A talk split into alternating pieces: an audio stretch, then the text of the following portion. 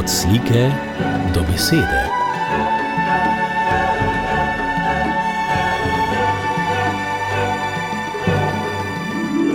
Od slike do besede.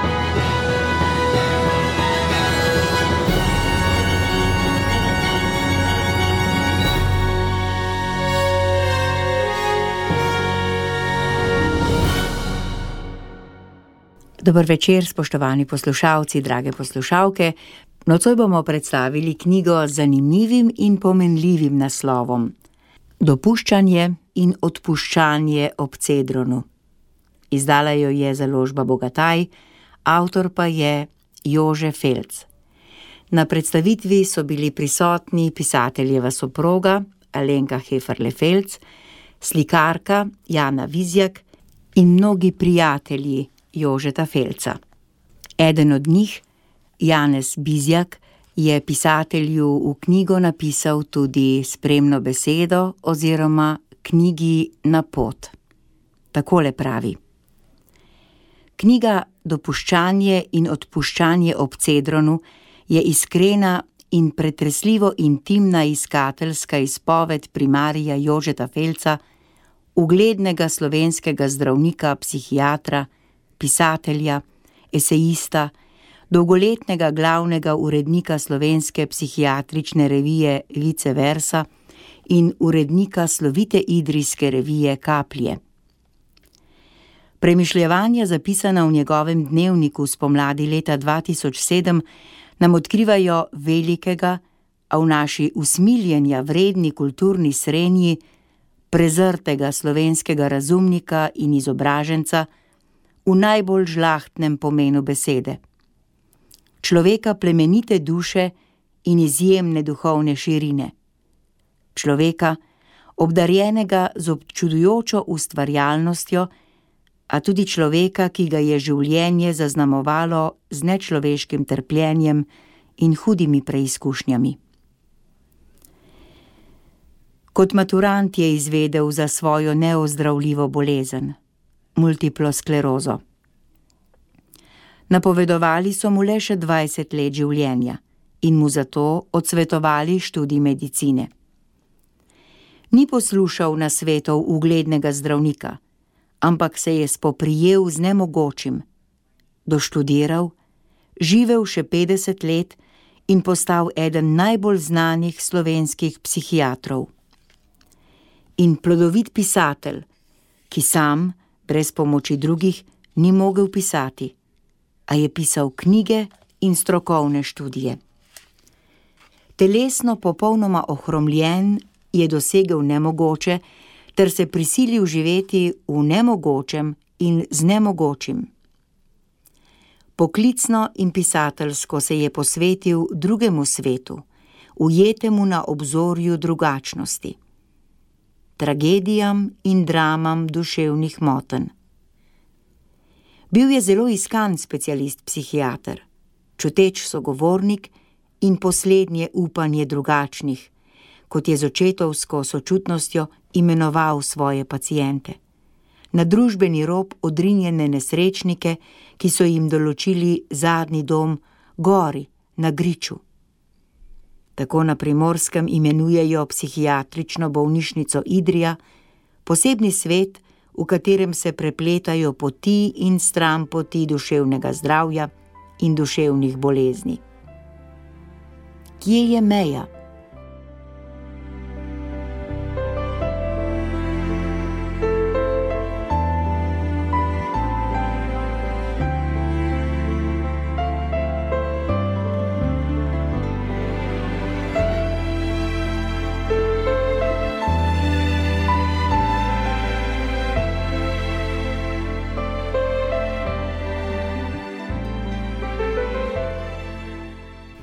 Janez Bizjak nadaljuje.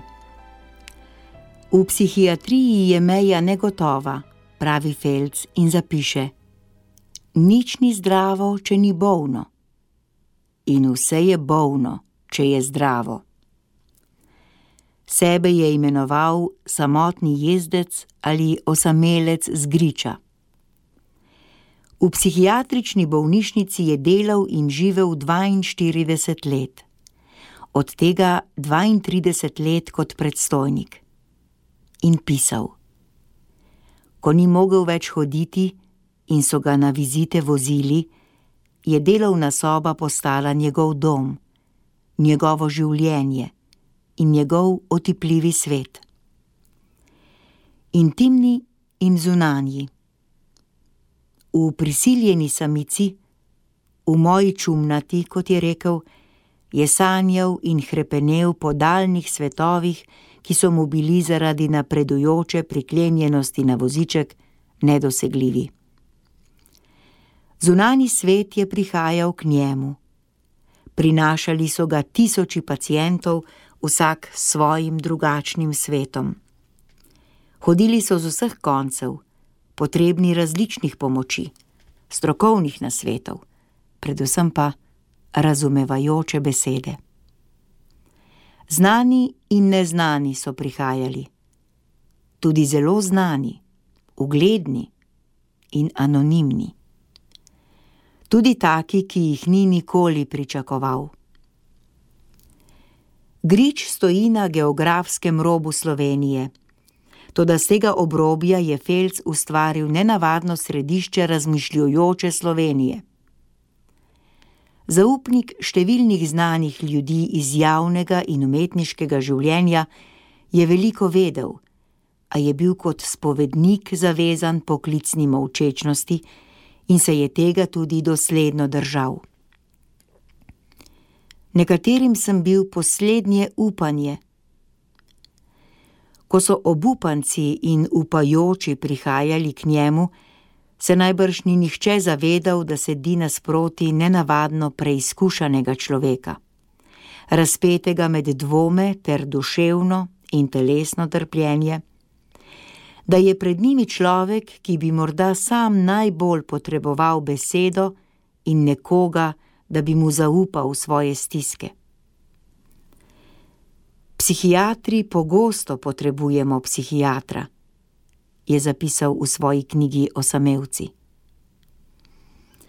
V 42 letih dela v psihiatrični bolnišnici Idrija je moral popiti prenekatero kapljo pelina.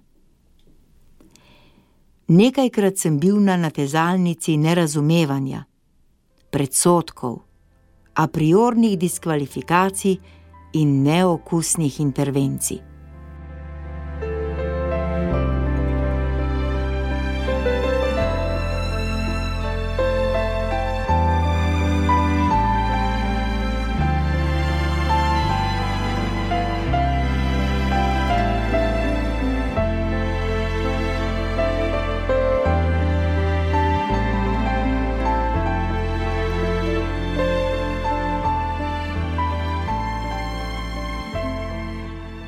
Janez Bizjak se v nadaljevanju spremne besede sprašuje: Kaj bi bila Idrija brez oporečniške revije Kaplje, nastale leta 1966, kot protest pisane druščine ozaveščenih študentov in bodočih univerzitetnih diplomantov, ki jih je razganjala mladostna ustvarjalnost in nasprotovanje ljubljanskemu večvrednostnemu posmehovanju nepomembni provinci. Pobudnik kapel je bil leta 2019 umrli profesor Tomaš Pavšič, njihova duša pa glavni urednik Jože Felc. Kot vsaka mlada generacija smo tudi kapljaši verjeli v drugačen svet in hlastali za nemogočim biti osvajalci časa in spreminjevalci sveta. Naše početje je bilo odgovor na Kardeljevo vizionarsko puhlico o pluralizmu samoupravnih interesov. Kdo od mladih bi danes še znal razložiti to cinično skovanko? V kapljah se je ujel odmev študentskega vrenja po evropskih univerzah. Ko so v Parizu leta 1968 izbruhnili siloviti nemiri in je vso Evropo prevetrila praška pomlad, smo kapljaši že diplomirali. In s pomilovanjem opazovali očitno narejenost umetno spodbujenih demonstracij v Ljubljani. Kaj je ostalo po 50 letih od tako imenovane evropske prevratniške generacije 68? Protestirali so proti vsem vrednotam in prisegali na filozofijo niča. Sanje so se jim izpolnile, saj za njimi ni ostalo nič. Najglasnejši in najbolj nepopustljivi protagonisti so se umirili v brezkrbnem brezdelju, dobro plačanih služb in v navidez uglednih, a popolnoma nepotrebnih funkcijah, prisesanih na vimena državnih proračunov, od Pariza do Beograda in Ljubljane. Razbežala se je tudi pisana združba razboritih varuhov zdravega okolja, brezciljnih mirovnikov, netolerantno obsedenih sufražetk, brezposelnih alternativcev, divjih bojevnikov za pravice zatiranih v tretjem svetu, med Indijo in Evropo vegetirajočih in miselno odsotnih hipijev ter ostarelih, higijensko zanemarjenih in ležernih modrecev, ki jim zaradi nerazumevanja njihovih razmišljanj nihče ni upal ugovarjati. Moja generacija, pravi Jože Felc, je zorela in dozorela v lažni bleščavi samoupravnega socializma in kulta osebnosti.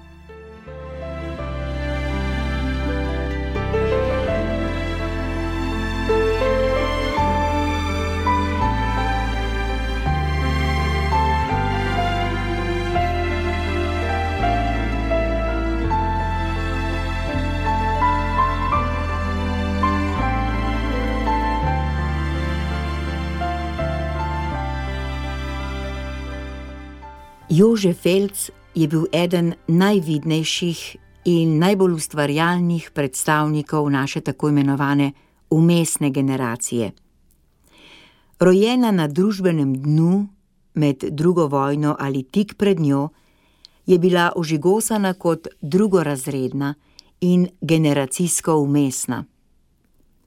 Nikoli ni bila pripuščena k mizi odločanja soustvarjanja in vodenja države ali družbenega razvoja.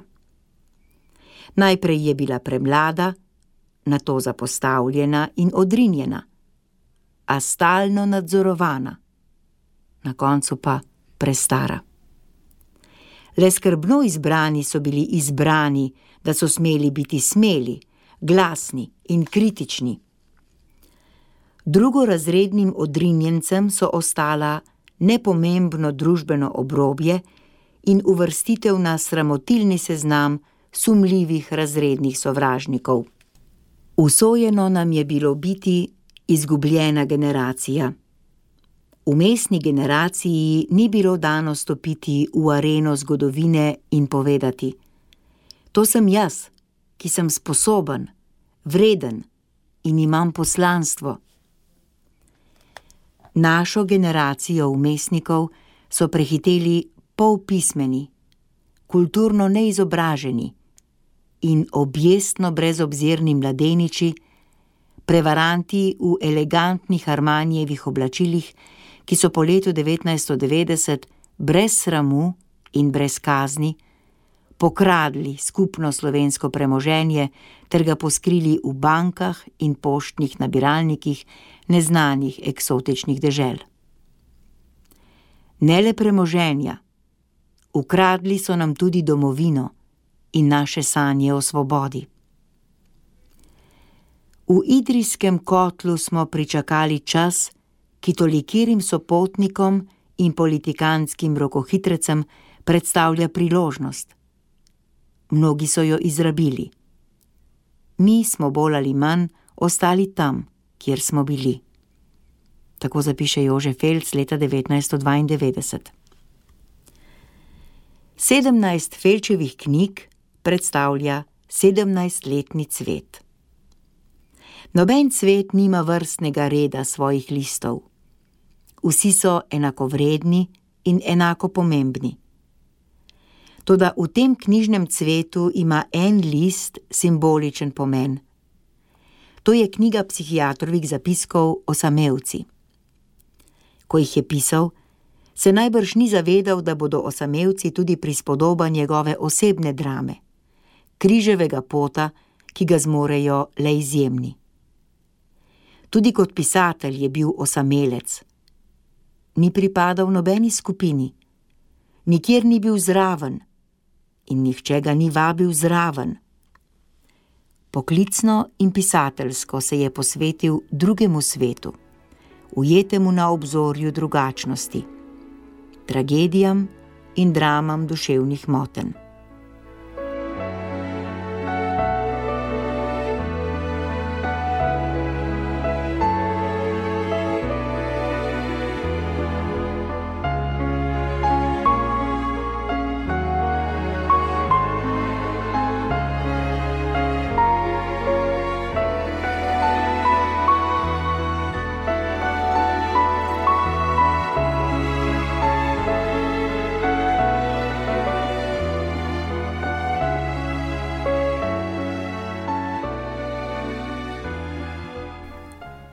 Svet osamevcev, nadaljuje Janez Bizjak, poznajo v vseh jezikih in kulturah, ne glede na barvo kože ali raven človekove čudi.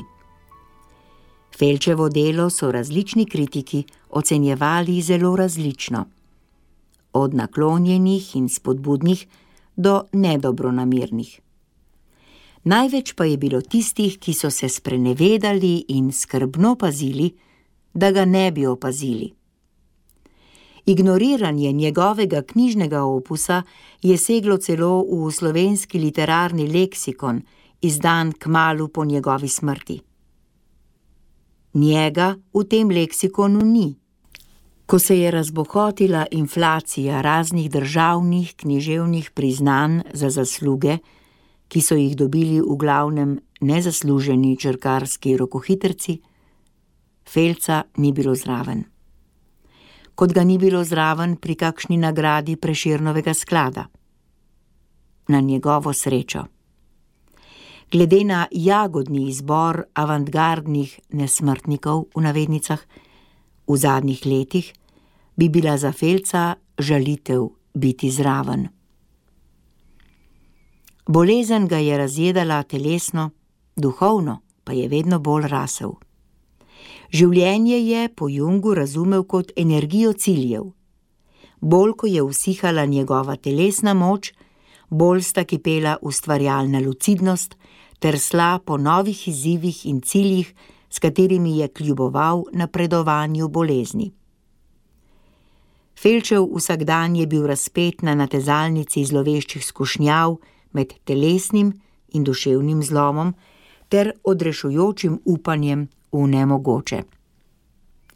Najbrž bi postopno odnehal in se zlomil, če ne bi doživel čudeža, ko je v njegovo življenje stopila in mu stala ob strani zdravnica Alenka Heferle, njegova žena, njegov angel varuh, sopotnica in sotrpinka, ki ga je spodbujala pri njegovem trdoživem kljubovanju brezobzirni bolezenski zasledovalki.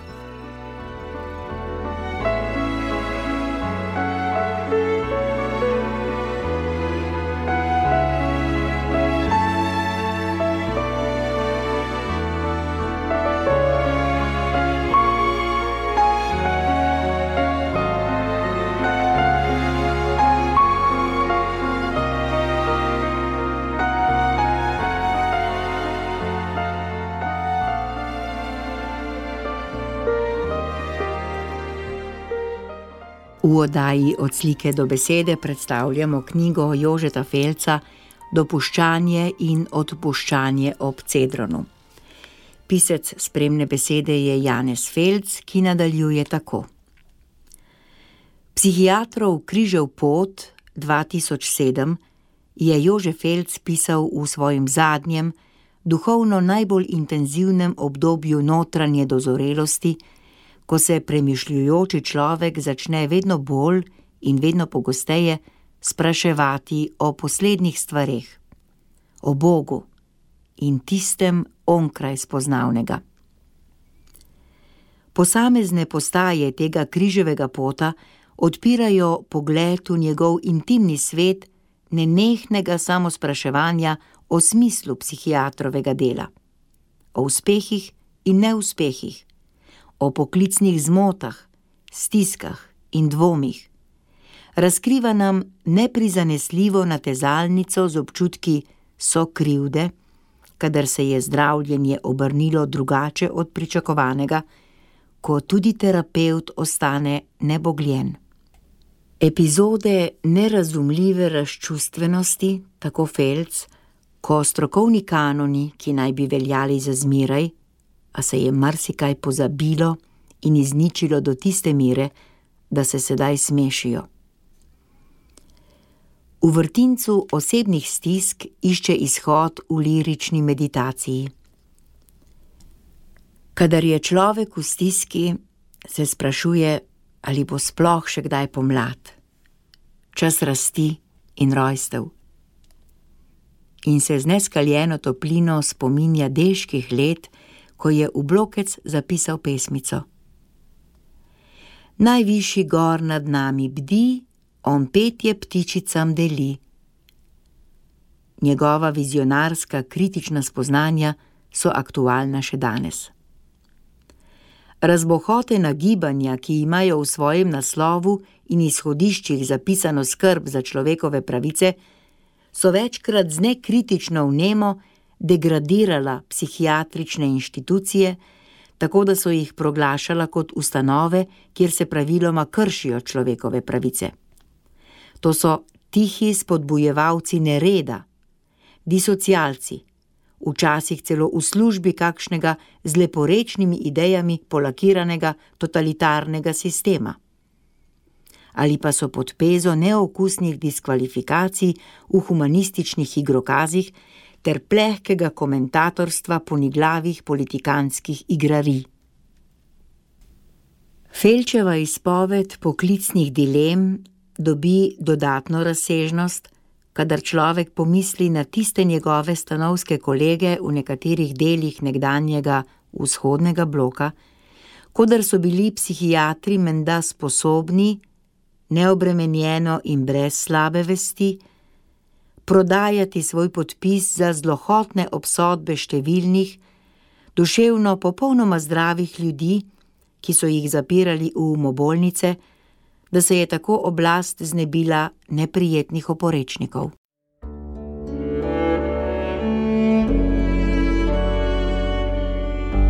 Poslušate podcast Radia Ognišče.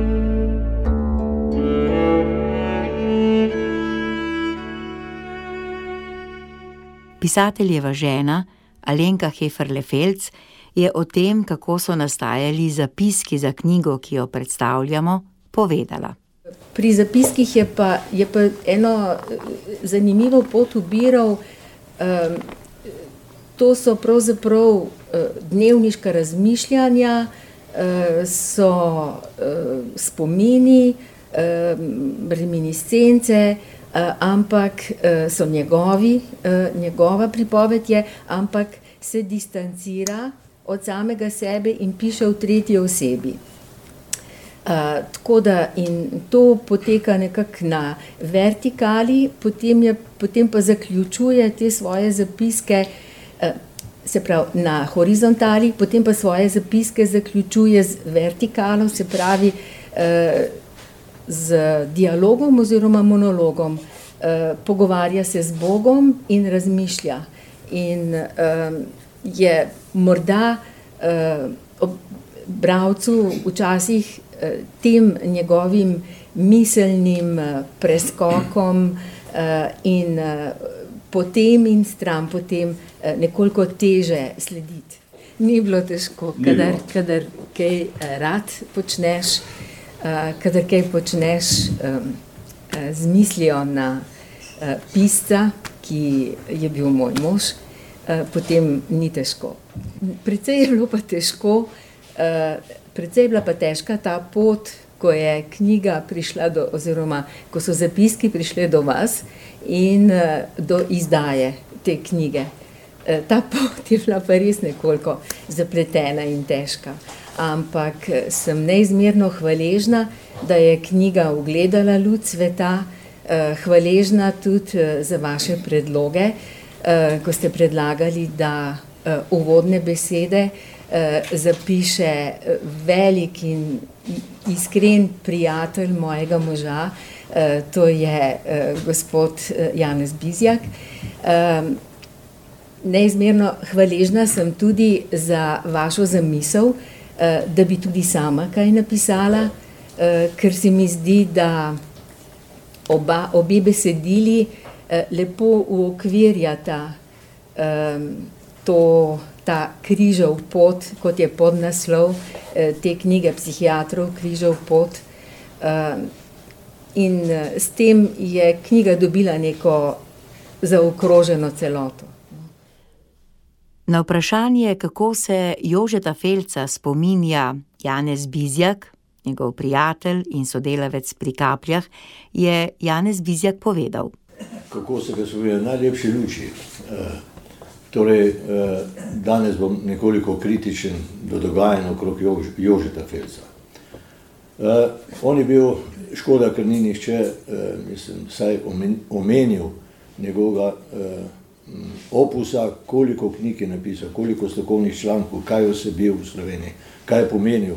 Idrija je postala, mislim, v Sloveniji pojem novega pristopa k psihiatriji, pardon.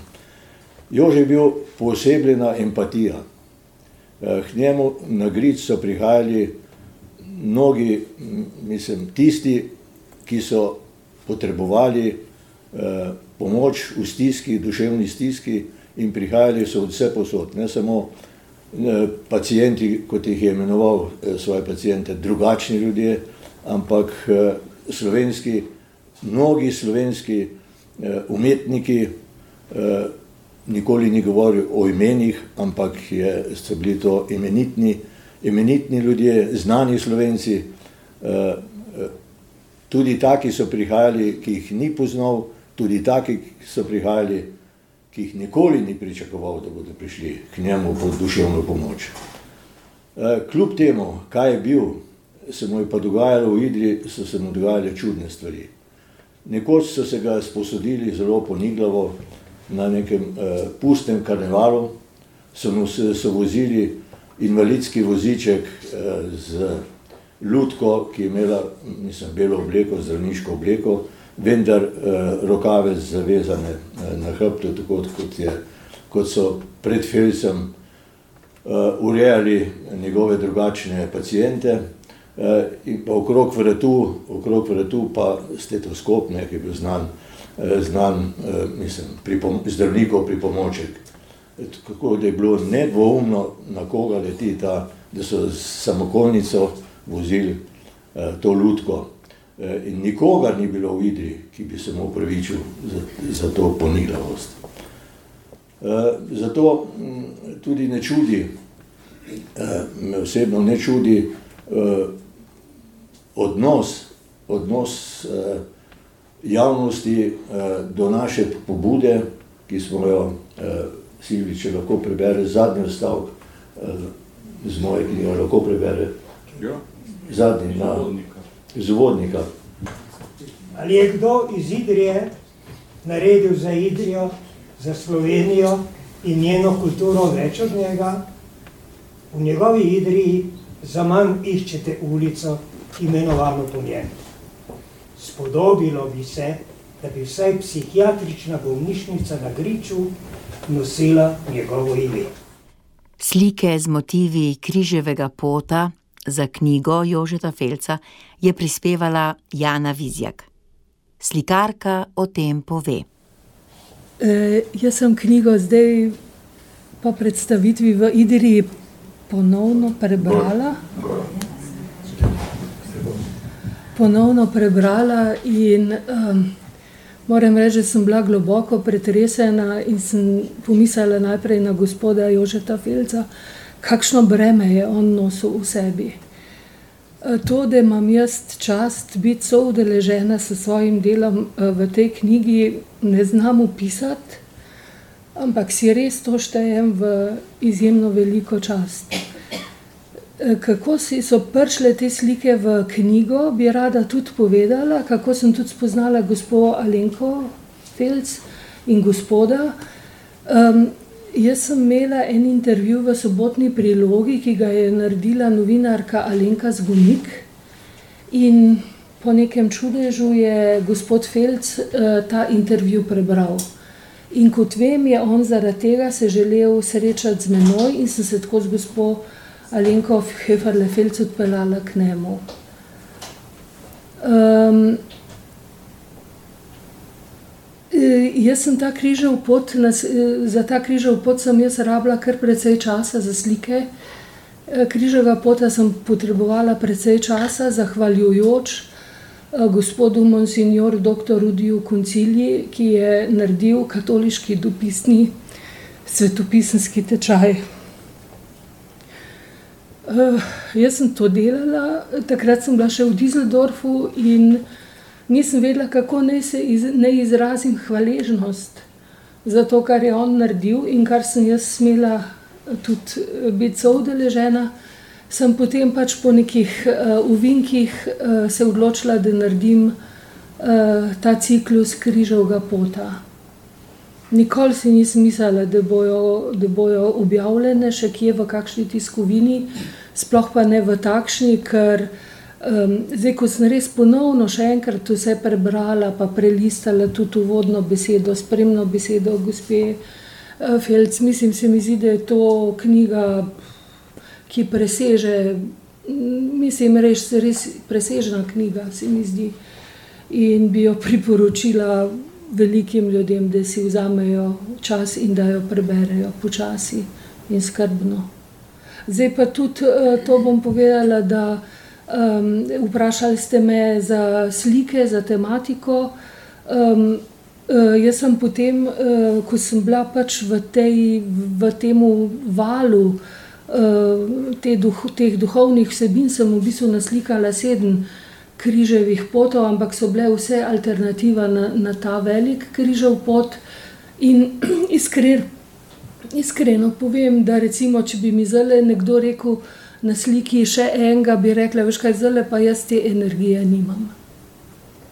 To je, to je velika reč. Mislim, če človek res uh, za dušo, za, za vsem svojim bitjem uh, nekaj naredi, zlasti misel na Jezusa, pa na trpljenje in na koncu ustajanje, je to res velika reč. In, uh, uh, bi rada to povedala, to sem tudi napisala v knjigi Moji pod srca, ki se je sploh ne da več dobiti. Jaz sem zdaj eno kupila na Bovhi in sem jo seveda podarila naprej. Um, uh, ta zadnji postaji Jezus, uh, Jezusa položil. Ne, pri ta zadnji postaji je bilo tako, da ko sem ga slikala, ne, ko Jezusa križajo. Ne, ko, ko je bil Jezus križan, sem vedno sem delala, vedno ponavadi delam slike v dveh, v dveh variantah, zato da primerjavam kvaliteto. In ko sem slikala, ko sem slikala Jezus umre na križu, pa, se mi je pa zgodilo ustajenje. Tako da sem jaz v bistvu naredila 15. postajo. Jezusovo ustajenje. Na predstavitvi so se spomnili tudi legendarne revije Idrijske kaplje. Začele so izhajati leta 1966. Torej, kaplje so izhajale v Idri od leta eh, Silvi. Od leta 67. Ja, 67. 66 pa do leta 1972, ja. ko smo se samo ukinili, eh, pod nekovajem. Ne, eh, no, v glavnem, ukinili smo se 72 leta, samo ukinili na pritisk določenih krogov, ki so nam zaprli možnosti izhajanja. Eh, bili smo pa nekaka slaba vest te eliti, ljubljanski ustvarjalni literarni eliti, Eh, ker smo vabili in tudi dobili kot sodelavce eminentne umetnike, eh, pisatelje, pesnike iz cele Slovenije, tudi iz Ljubljane. Eh, tako da smo bili nekakšna slaba vest takratne družbe, ampak Idrija, se veste, eh, če poznate Idrijo, kje je, kakšna je, to je dolina, oska dolina. Eh, vsi so mislili, da ja, to je ena provinca, ampak kaplaši smo bili tisti, ki smo skupaj z zameskimi slovenci, se pravi v Italiji, Tržačani in Korošci na Koroškem, so ustvarjali takrat tako imenovani enotni slovenski kulturni prostor. Smo imeli veliko srečanj skupnih in hodili na medsebojna uh, srečanja, umetniška srečanja in tako naprej. Smo pa potem da, dali skozi tudi svoje uh, izkušnje s službami, ki so nas nadzorovali in tako naprej. To je pa druga zgodba. Pri predstavitvi knjige Jožeta Felca je bil tudi prvi predsednik slovensko-demokratično izvoljene vlade Lojze Peterle, ki je povedal naslednje.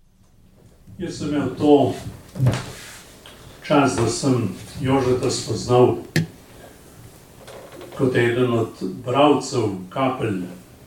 Jaz sem delal pri reviji 2000, ki je začela 68 in sem bil v tisti družbi, ki je komaj čakala, da bo spet kaj išlo. Eh, gospod Bižer je že povedal, kako se je zaključilo, torej živeli smo čase, ko se je dalo ustavljati take pojave, kaplje so bile ustavljene, Jožeta Felca pa se ne bo dalo ustaviti. Danes ga lahko beremo, um, tudi tisto, kar je napisal že prej, ampak tale knjiga, po mojem branju bi rekel, da najmočneje govori o njem.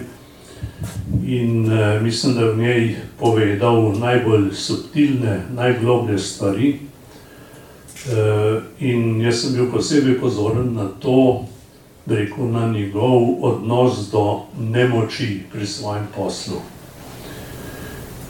In ta mož je bil pogumen, je bil posvečen, je bil pa tudi ponižen. In jaz mislim, da bomo Jožeta Felca še dolgo brali, pa še o čem sem razmišljal v tej knjigi, kaj je ostalo za njim. Ta mož je bil eden od najbolj zaresnih ljudi, kar sem jih v življenju srečal. Osebno sem ga srečal najprej, ko si je zlomil kov in je ležal v kliničnem centru. In sva se pogovarjala, kaj pa drugega kot o Bogu. In takrat so bile moderne debate o dokazovanju Boga in tako naprej. In je on meni tole povedal, je rekel, kdaj je on okrepil vero v Boga, ali pa kdaj se mu je zares posvetil. Je rekel, ko so nam predavali o jedrih. Ne? Je rekel, ko so nam povedali, kaj vse jedra delajo hkrati, milijone operacij v človeku je rekel, meni ne bo noben rekel, da je to nastalo slučajno. to je bil eden od eh, njegovih stavkov, ki sem si jih zapomnil. Zapomnil sem se pa tudi to, ker je takrat bil že precej bolan, ampak se je po tisti operaciji še enkrat na noge postavil. Še je hodil, neverjetno strajni bil. In mene ne čudi, da so ljudje hodili k njemu, glede na to, kako je v naši družbi, pa bi si želel, da bi ga obiskalo še več ljudi. Jaz sem hvaležen za, za tole, tole knjižno podjetje. E, jaz sem vesel, da sem ta krok kapelj spoznal, vesel, da sem bila s Tomažem Pavšičem potem skupaj v prvi slovenski skupščini, vesel, da sva e, z gospodom Silvotom hodila skupaj na pevske ure, in tako naprej. E, počasi sem, sem skoraj vse spoznal in kaplje so, bila, so bile taka hrana takrat.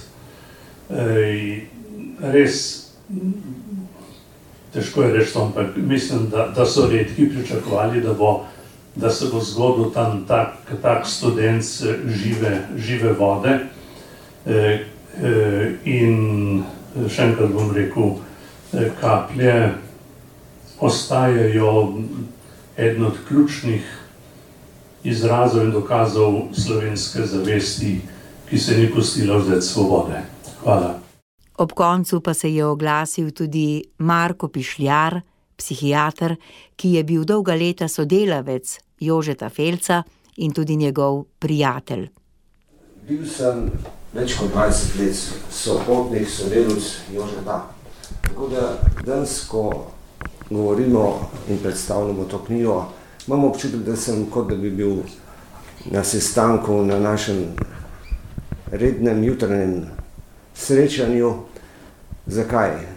Jaz sem to knjigo dobil pravzaprav v elektronski obliki že tam leta 7-8. Um, po vsebini se pravzaprav dotika tistih najtežjih etičnih vprašanj, ki jih srečuje psihiater. In uh, moram reči, da skoraj večina od teh zgodb sem uh, v, tej, uh, v tem času slišal iz njegovih ust. Um, razen mogoče, mogoče kakšnoke izmed njih. Od tiste prve o pedofiliji, silno težka vsebina, ki jo je takrat razkrival, zelo dobro bi bilo, da bi bila ta knjiga takrat izdana.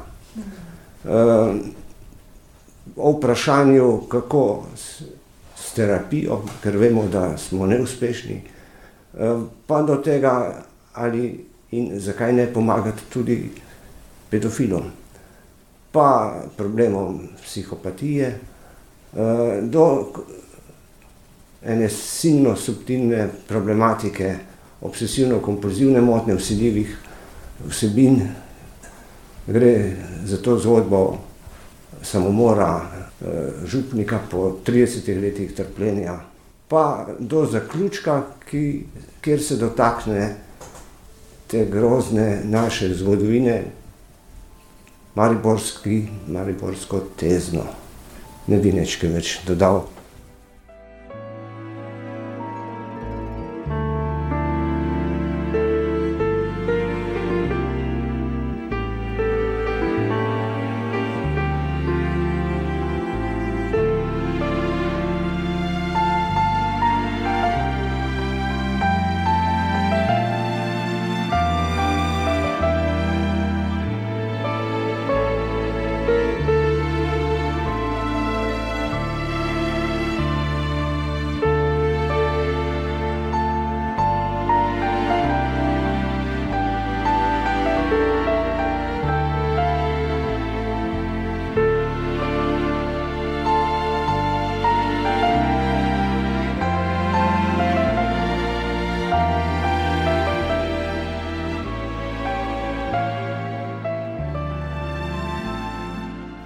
In tako, spoštovani poslušalci, drage poslušalke, smo prišli do konca predstavitve knjige Dopuščanje in odpuščanje ob Cedronu.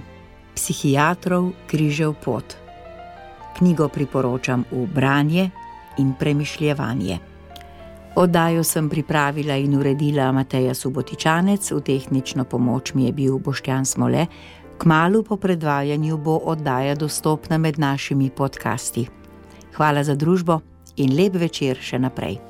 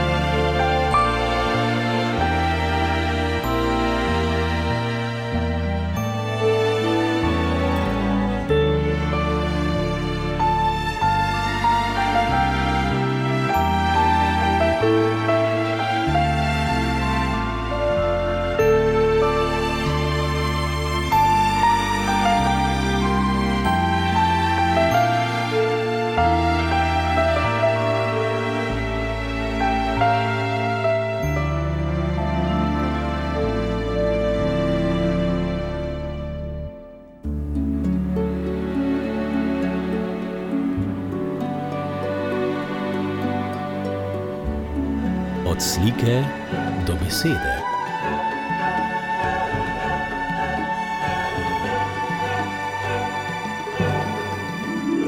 Od slike do besede.